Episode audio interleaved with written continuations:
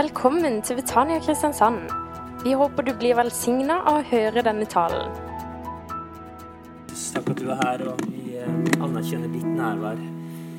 At du er til stede midt iblant oss, Herre. Det er et sånt stort privilegium, Herre. Takk for at du steget ned, Jesus, for å forene oss med deg, Herre. Og takk for eh, at gjennom Jesu blod, Herre, så har vi blitt rene, Herre. Ikke på grunn av noe vi har fått til, Herre, men av din nåde og store kjærlighet til oss. Jesus, vi aksepterer, Herre, din nåde, Herre, og din kjærlighet til oss denne dagen, Jesus. Herre, vi venner oss til deg, Herre. Bare se nåde til våre liv. Jesus.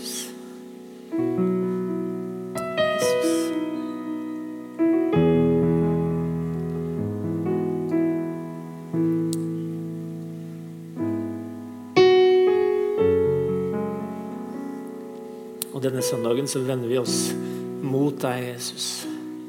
Vi vil bruke denne dagen, Herre, som du har gitt oss den første dagen i uka, til å være innenfor deg, Herre, til å fokusere på deg, Jesus, til å møtes i det hellige samfunn og til å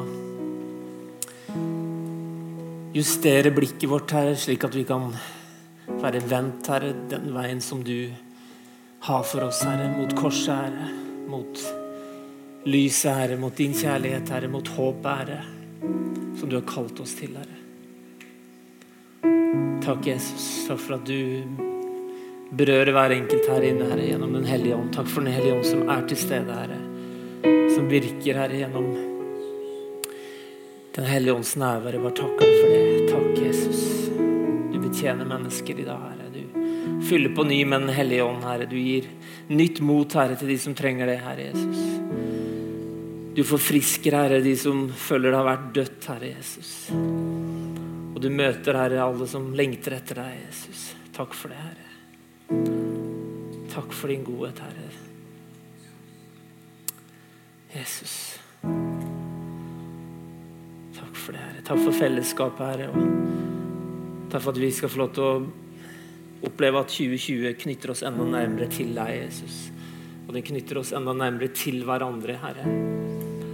Takk for at uh, du har gitt oss menigheten, Herre, som uttrykk for din kropp, Herre, for din kjærlighet, Herre, for din plan for verden, Jesus.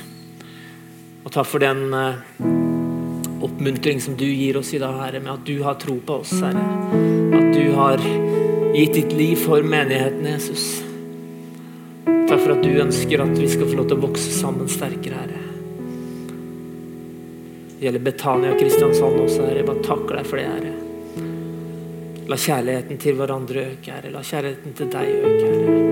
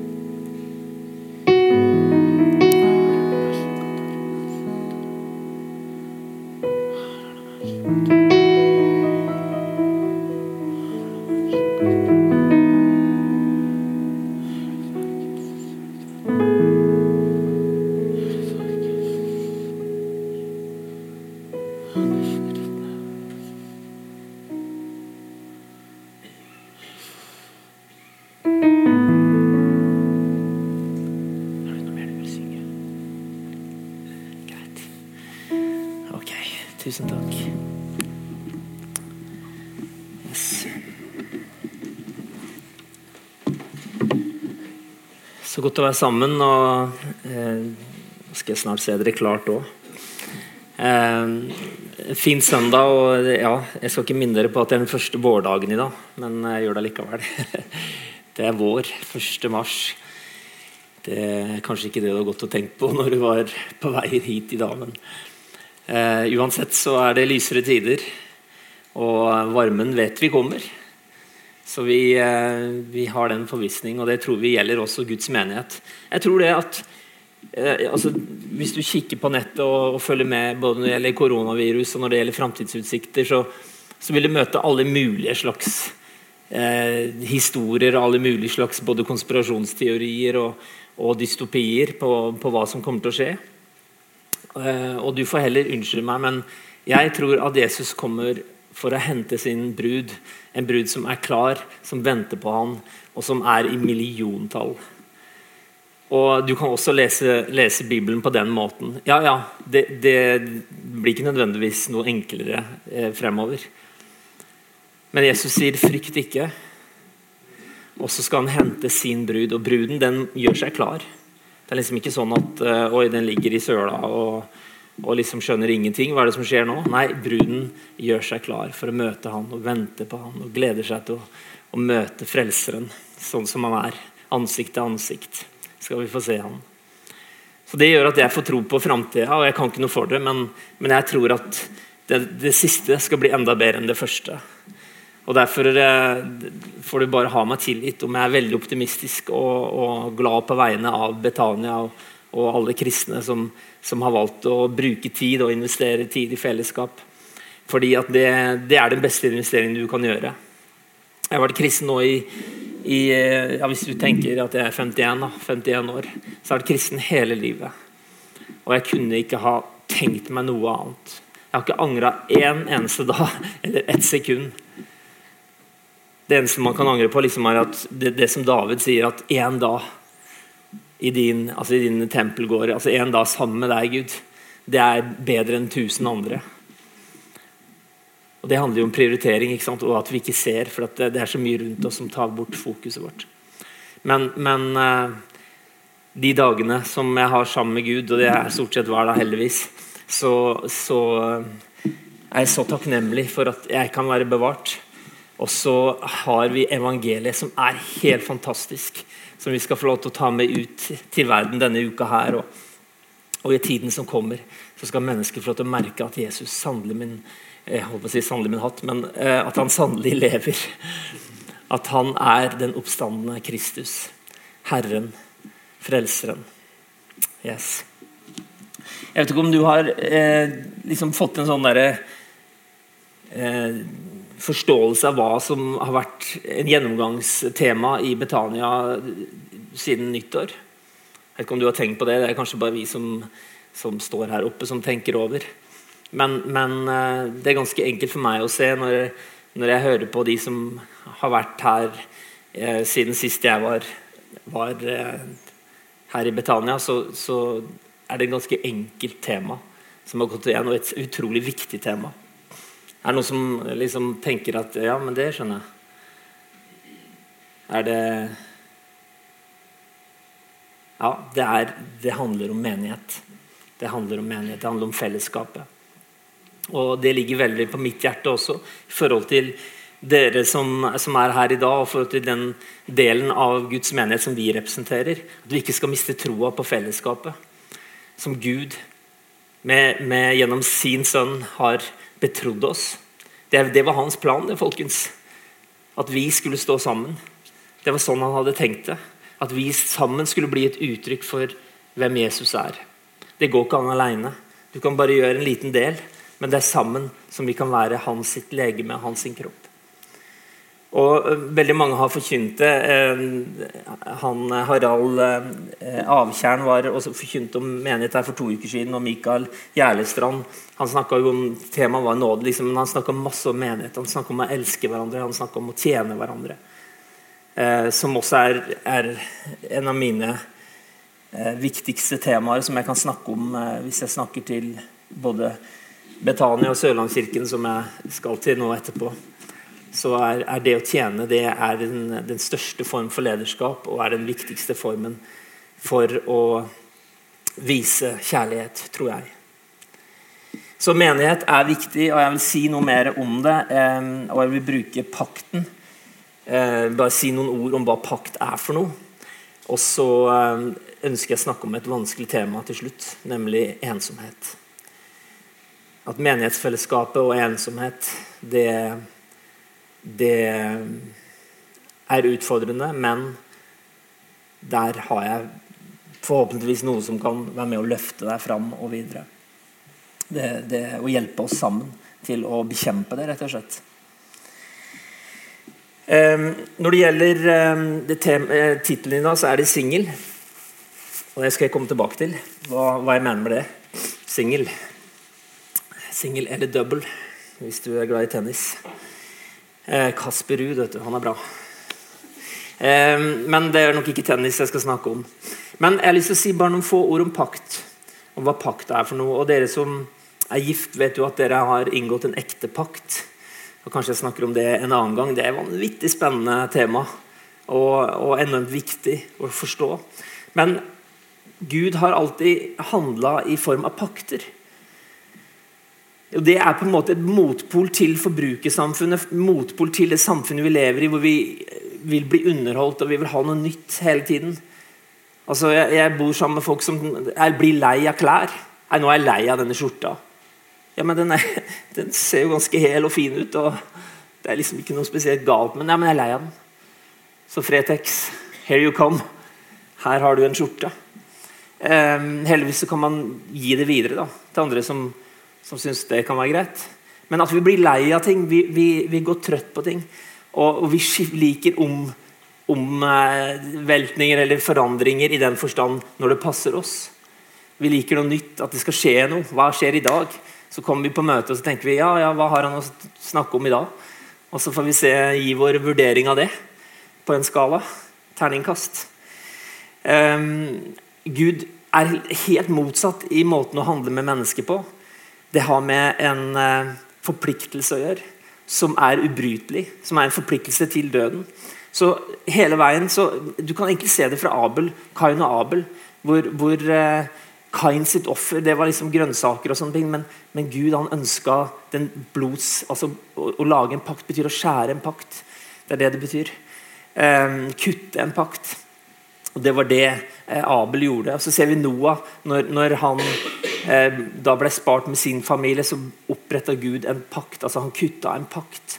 Og den pakten, eh, liksom, Tegnet var regnbuen, men så ofra Noah til Gud. Han kutta et offer som symbol, et tegn på den avtalen. Og sånn går det videre. Dere vet jo paktstegnet med Abraham. og Du kan jo se for deg når han skulle fortelle eh, sin gjeng, alle tjenerne og alle som var i hans sitt hus. da.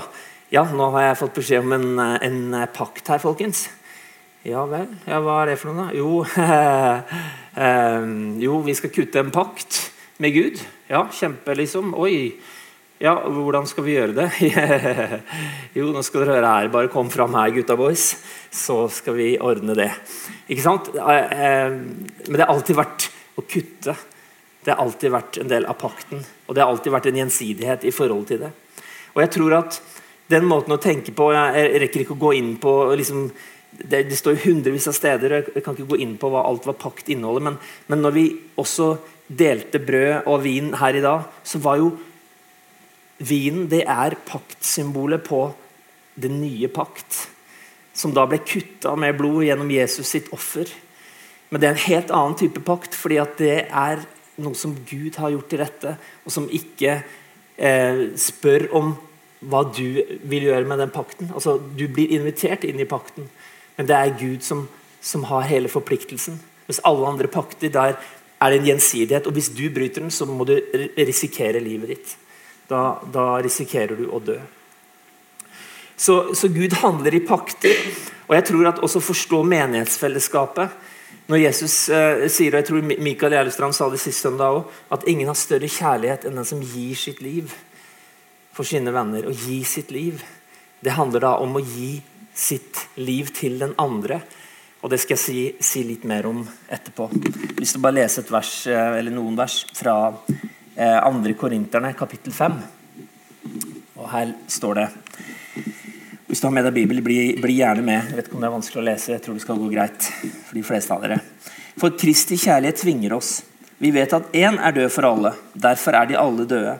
Og han døde for alle for at de som lever, ikke lenger skal leve for seg selv, men for han som døde og sto opp for dem så kjenner vi ikke lenger noen bare slik mennesket gjør. Og har vi kjent Kristus slik, gjør vi det ikke lenger. Derfor, hvis noen er i Kristus, så er han en ny skapning. Det gamle er borte, se det nye er blitt til. Men alt er av Gud, Han som ved Kristus forsonte oss med seg selv og ga oss forsoningens tjeneste. Det var Gud som i Kristus forsonte verden med seg selv, slik at han ikke tilregner dem deres misgjerninger, og han overga ordet om forsoningen til oss. Så er vi da utsendinger for Kristus. Og det er som Gud selv formaner gjennom oss. Vi ber dere på Kristi vegne. La dere forsone med Gud. Han som ikke visste av synd, har han gjort til synd for oss. For at vi skulle få Guds rettferdighet. Andre Korinterne, kapittel 5, vers 14-21. Jeg skal si litt mer om de versene om litt. Men først har jeg lyst til å ta dere med til en historie om han fyren her. Er det noen som ser hvem det er? Jeg tror de fleste her inne har uh, hørt om hvem dette er. Han er fra Skottland. Levde på midten av 1800-tallet. Var misjonær og oppdagelsesreisende og oppfinner. og Var uh, vitenskapsmann. Han uh, reiste til Afrika og hadde også en, en tur hvor han hadde flere turer, men en tur hvor han ble borte i mange år. Og ingen ante hva som hadde skjedd. Er det noen som vil prøve å gjette? David Livingston. Det er han her. Litt av en type. Og, og, det er ikke så lenge siden det var 200-årsjubileum for hans fødsel. Men han ble jo borte i mange år. I over seks år. Så en, et avishus tenkte ja, men la oss prøve å finne han. Vi, vi må jo, Han kan ikke bare liksom forsvinne, og så er det ingen som aner hva som har skjedd. Han her er jo en spesiell, spesiell fyr. Han, eh, han, har skrevet masse, og han var hjemme ikke sant, I, og tilbake og rapporterte, og han, han skapte masse eh, interesse. Oi, så du har vært der, ja. Der har jo ingen vært før noen gang. Ingen hvite har vært der. Eh, og så var han ikke der for å eh, liksom overkjøre de som bodde der. Altså, det var ikke noe imperialisme i det han gjorde. Det tror jeg alle er enig i. Men han var der av motsatt hensikt. Han ville bekjempe slaveriet, og han var en av de viktigste for å bekjempe slaveriet. Og Det gjorde at folk var nysgjerrige på hva er det som skjer med David Livingston. Så sendte de han fyren her.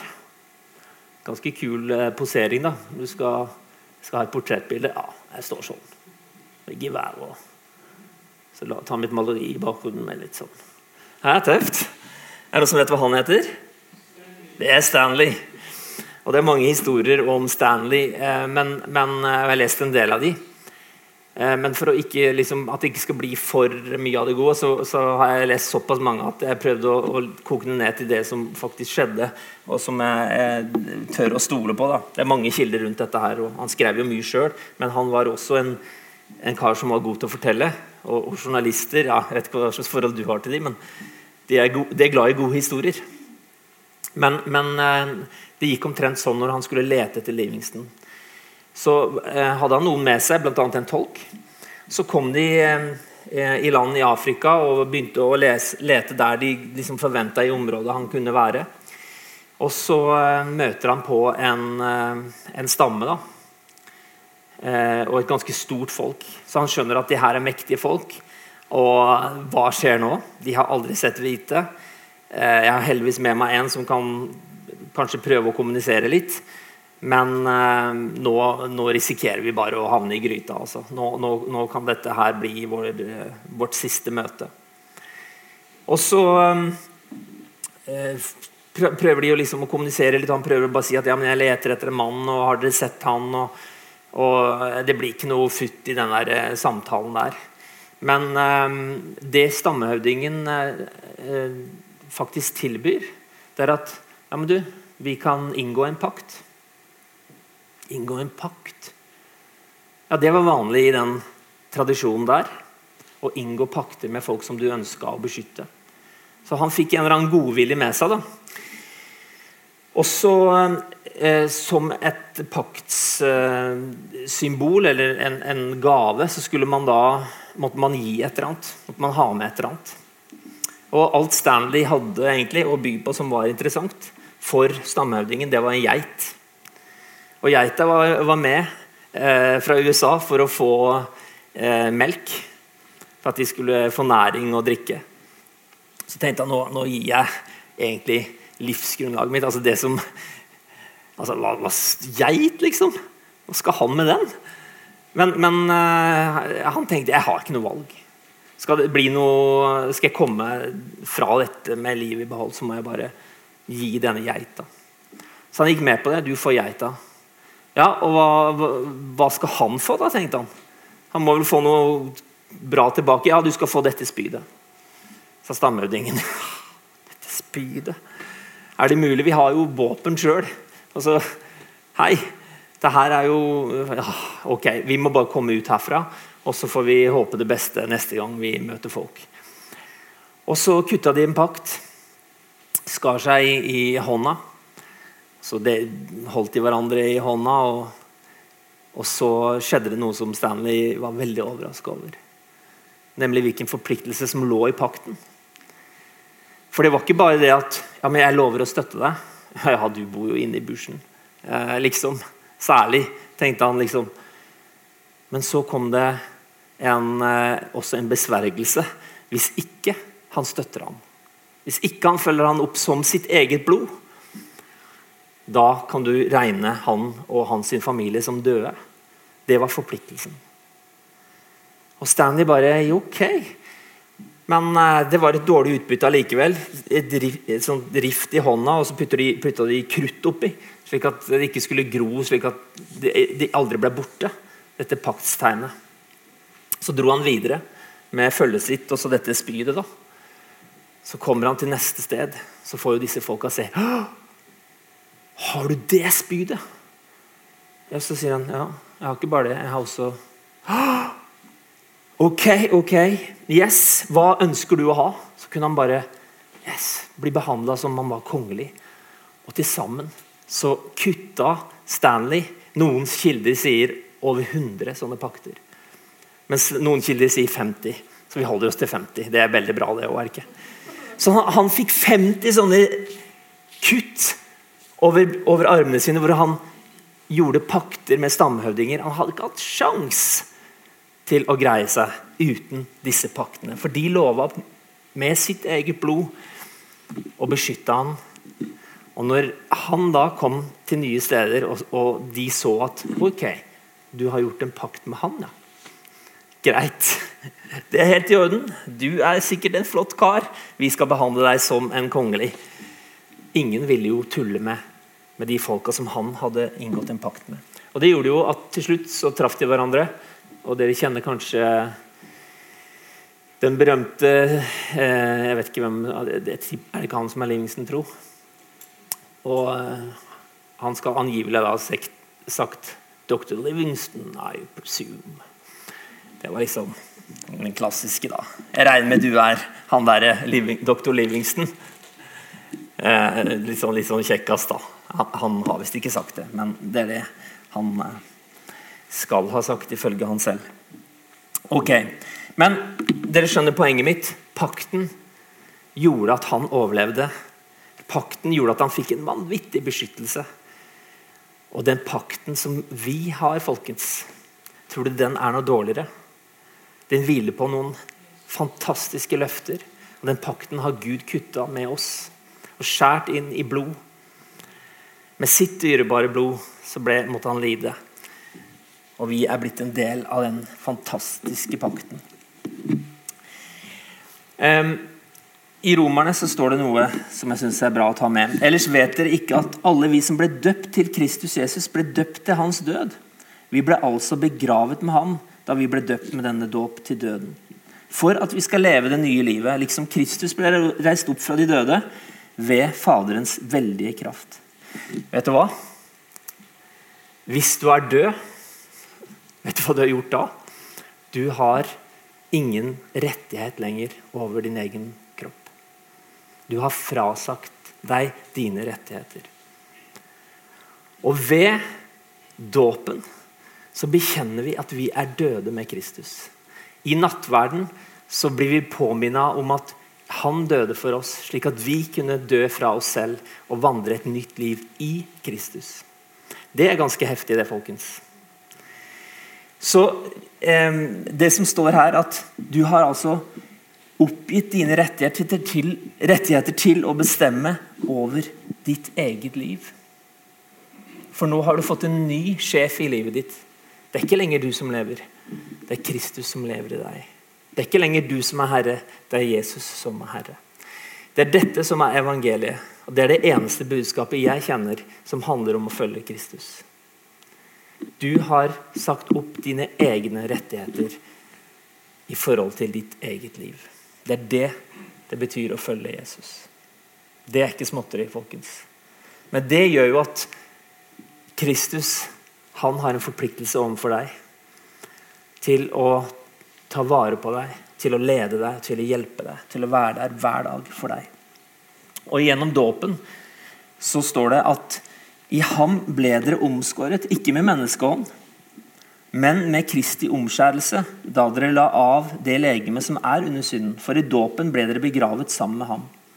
Og i den ble dere også reist opp med ham, ved troen på den Guds kraft som reiste Kristus opp fra de døde. Så dåpen er altså fullendelsen av omskjærelsen. Hvor man kutta en pakt vet dere, med, med omskjærelsen. Og det er det dåpen markerer. Og så tror jeg menighetsfellesskapet er ment å være på samme grunnlag. Du kan ikke kutte pakter i øst og vest. og Det tror jeg ikke er meninga du skal gjøre. Og det er ikke nytestamentlig lære heller. Men vi lever i et paktsforhold til Gud. Og det må vi også ha med oss inn i relasjonen til de som er våre brødre og søstre.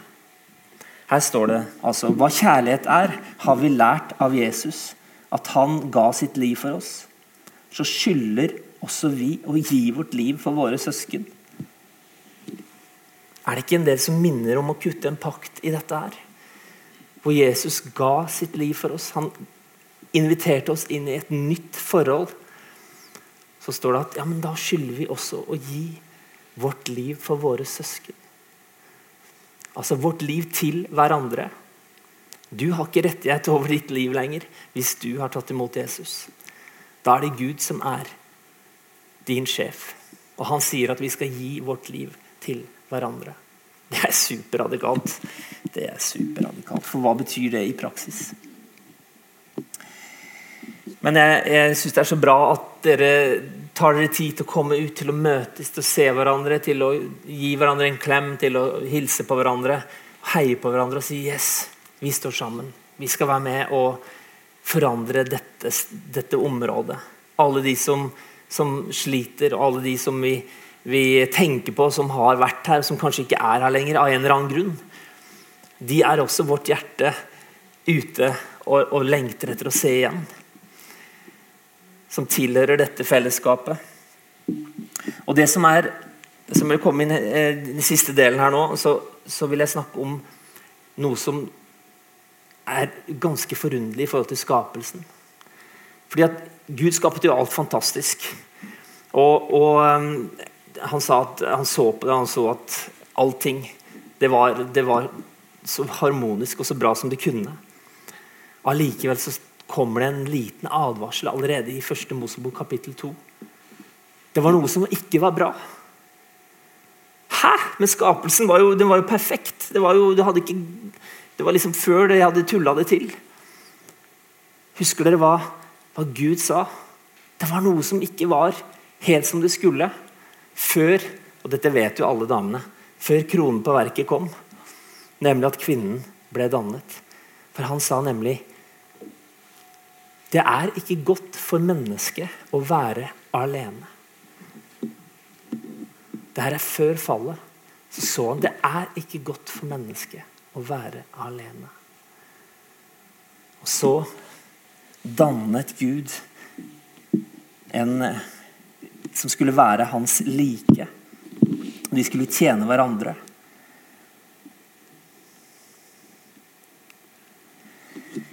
Menigheten er også en familie hvor vi kan knytte Jeg mente at vi skal knytte bånd, sånn som i en familie. Og Det blir bare superradikalt, og jeg, jeg, jeg har lang vei å gå sjøl og tenke at ja, men hvordan kan jeg elske de som jeg står sammen med i menigheten, sånn som jeg elsker mine egne barn? For det er jo den kjærligheten Jesus snakker om. Om å gi sitt liv for sine søsken. For det ville jeg nemlig ha gjort for mine barn.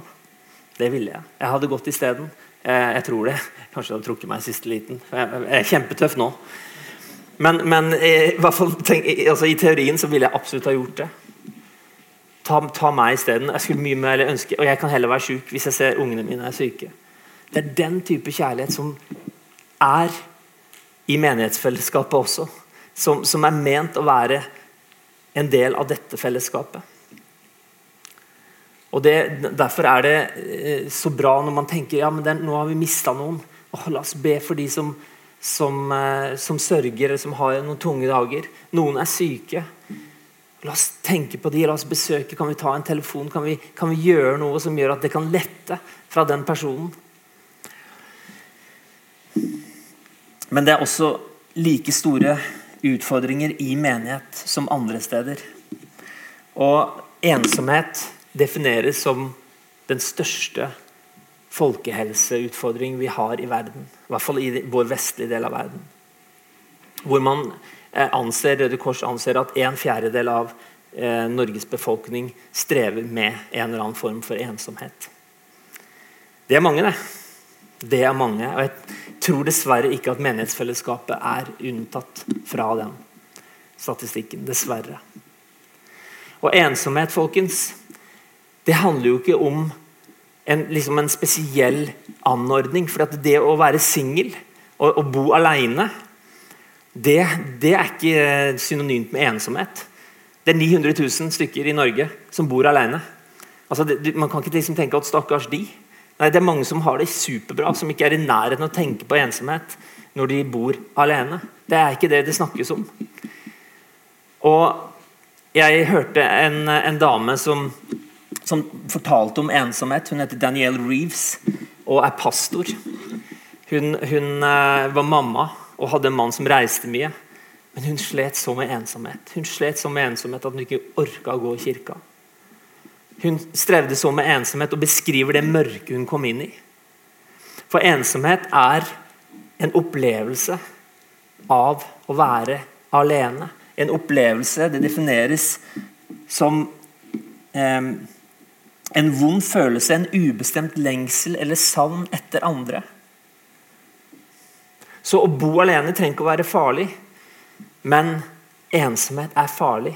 Og vet du åssen mennesket er utstyrt? det er utstyrt med at når du, den, når du har den følelsen med at det er ingen som, som, forstår meg helt, det er ingen som skjønner hvordan det er å være meg, å være så alene. Den vonde følelsen der, den har du fått fordi at det er et faresignal. Det er akkurat som når vi blir sultne og tørste. Det er jo kroppen sin, sin signal for å si at nå må du gjøre noe. Nå må du få i deg noe. Det samme er det signalet som handler om ensomhet. Når du opplever den vonde følelsen der, så er det for å si at noe er galt. Yes, her er det noe som, noen, noen lamper som blinker. Noe må gjøres. Og det er en kjempeutfordring. For det som jeg hører folk som, som har stredd med ensomhet, opplever, det er at det er skambelagt. De føler en utrolig skam. Fordi at ja, men jeg, jeg, jeg ikke, føler meg ikke så bra som de andre, og jeg har ingen gode venner som, som et menighetsfellesskap skal innby til. Men her har jeg ingen gode venner.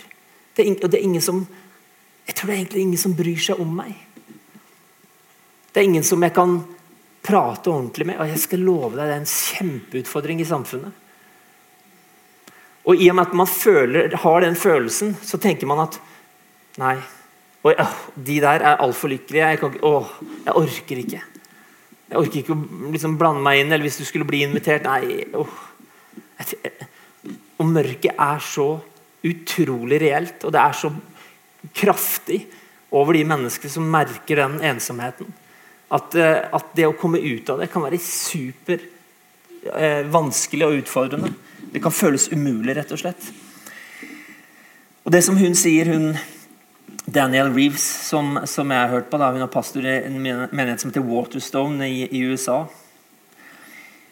Hun følte bare at de andre er mye bedre enn meg. Det er ingen som forstår meg helt. Og, og um, det fins ingen vei ut. Og så begynner man å tenke de tankene som er en pest og en plage i dette samfunnet, nemlig at det er bedre om ikke jeg var på denne jorda her. Da lar jeg de andre få slippe å tenke på meg. For jeg er bare til bry allikevel. Jeg skal love deg den tanken. Den er det mange som strever med.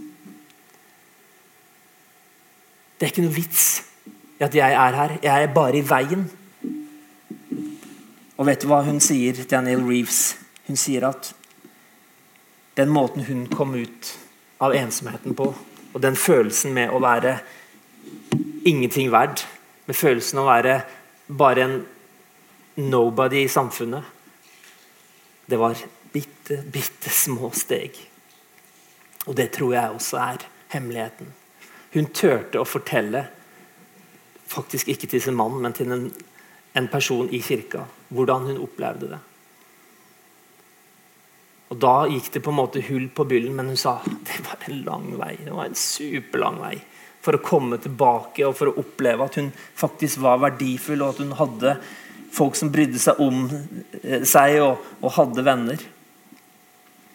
Og Så sier hun da at hele hemmeligheten for henne det var å søke nærmere til han som kan være din og min beste venn. Jesus innbyr oss til et fellesskap som ikke bare handler om at vi skal tro på han og vi skal liksom leve i, i bønn og, og, Bibelen. Nei, vet du hva han sier? Jeg kaller dere ikke lenger for tjenere. Jeg kaller dere for venner. Fordi at dere skal lære meg å kjenne, dere skal vite hva jeg gjør. Dere skal vite hvem jeg er. Jeg skal lese det siste, siste verset her i dag. Siden barna er av kjøtt og blod, så måtte også han fullt ut bli som dem. Slik skulle han ved sin død gjøre ende på ham som har dødens makt. Det er djevelen. Og befri dem som av frykt for døden var i slaveri gjennom hele livet. Det er jo ikke engler han tar seg av. Nei, han tar seg av Abrahams ett. Altså du og jeg. Derfor måtte han på alle måter bli lik sine søsken så han kunne være en barmhjertig og trofast øversteprest for Gud og sone folkets synder. Fordi han selv led og ble fristet, kan han hjelpe dem som blir fristet.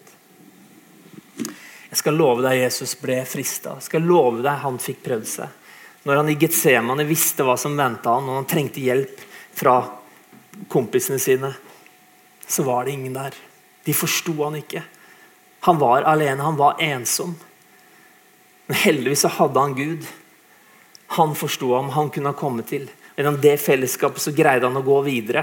Greide han å tåle torturen og ikke løpe av gårde som han kunne ha gjort. Og så kommer han på korset og henger sammen med de som er røvere, og de som er eh, fortjent til å dø. Og så skjer det verste av det verste, som ikke går an å forstå. Nemlig at Gud forlater ham. Da er han plutselig helt alene. Da kjenner han på den ensomheten som noen av dere her inne kjenner på. Du kan ha mange folk rundt deg. Du kan til og med ha en haug av folk som du opplever er venner, men du kan likevel føle deg ensom. Fordi det er noen som er det virkelig noen som bryr seg om meg, som vil lytte til meg, som forstår meg, og som hjelper meg, som ser meg når, når jeg er skikkelig på, på på nedtur og har det vondt. Vet du hva jeg vet om en som virkelig forstår deg? Og jeg er kanskje en av de her inne som er minst glad i lettvinte løsninger når det gjelder liksom å komme med en, et svar. Men jeg vet at Jesus er svaret. Og de begynner der med at du aksepterer at Jesus, du forstår meg. Du vil være min venn. Du vil være her uansett om jeg opplever at mennesker kanskje ikke greier helt å treffe meg, eller jeg greier ikke helt å relatere til de, eller jeg orker ikke å ha den kontakten. Så begynner din legedom med at Yes, det er én som forstår deg. Han vet så utrolig godt åssen du føler det når du er på ditt dårligste. Når du er på ditt laveste, så er Jesus der for deg. For han har vært enda dypere enn du noen gang kommer til å komme. Og da vil han gi deg et lys, et håp. Han vil gi deg framtid midt i det som du kjenner på, som er et utrolig mørke. Og Det er ikke alle som, som, opplever dette her, og kanskje ikke mange her inne. Men, og, og, hvis ikke du føler at dette her, dette her var ikke noe liksom, til meg i det hele tatt, så vil jeg bare si at kanskje du kan forstå de som opplever ensomheten. Den følelsen av å ikke bety noen verdens ting.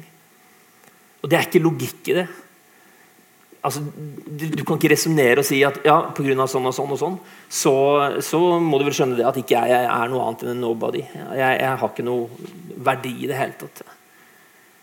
Det, det, er ikke sånn det er, for vi vet sannheten. Og hvorfor står det her at Jesus han kom for å sone folkets synder? Fordi han selv led og ble fristet. Kan han hjelpe dem som blir fristet? Fristet til hva? Til å tenke noe annet enn Guds tanker om seg sjøl tenke noen andre tanker enn at du har fått denne sjansen på jorda fordi at Gud har utvalgt deg. Han har dannet deg og formet deg for at du skal leve for han. Og den planen som han har for deg, den skal skje. Mørket er overvunnet av lyset. Jesus seiret. Så når Gud forlot han, og han skreik fra liksom sitt dyp 'Hvorfor har du forlatt meg?' 'Det her var ikke en del av planen, var det vel det?'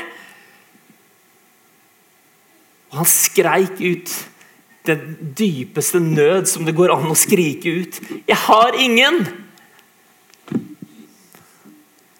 Og Etter hvert så pusta han ut og sa det er fullbrakt. Da skjønte han at ja, selv Gud måtte forlate ham for at han skulle få lov til å møte deg i det mørkeste dypet skal vi be sammen.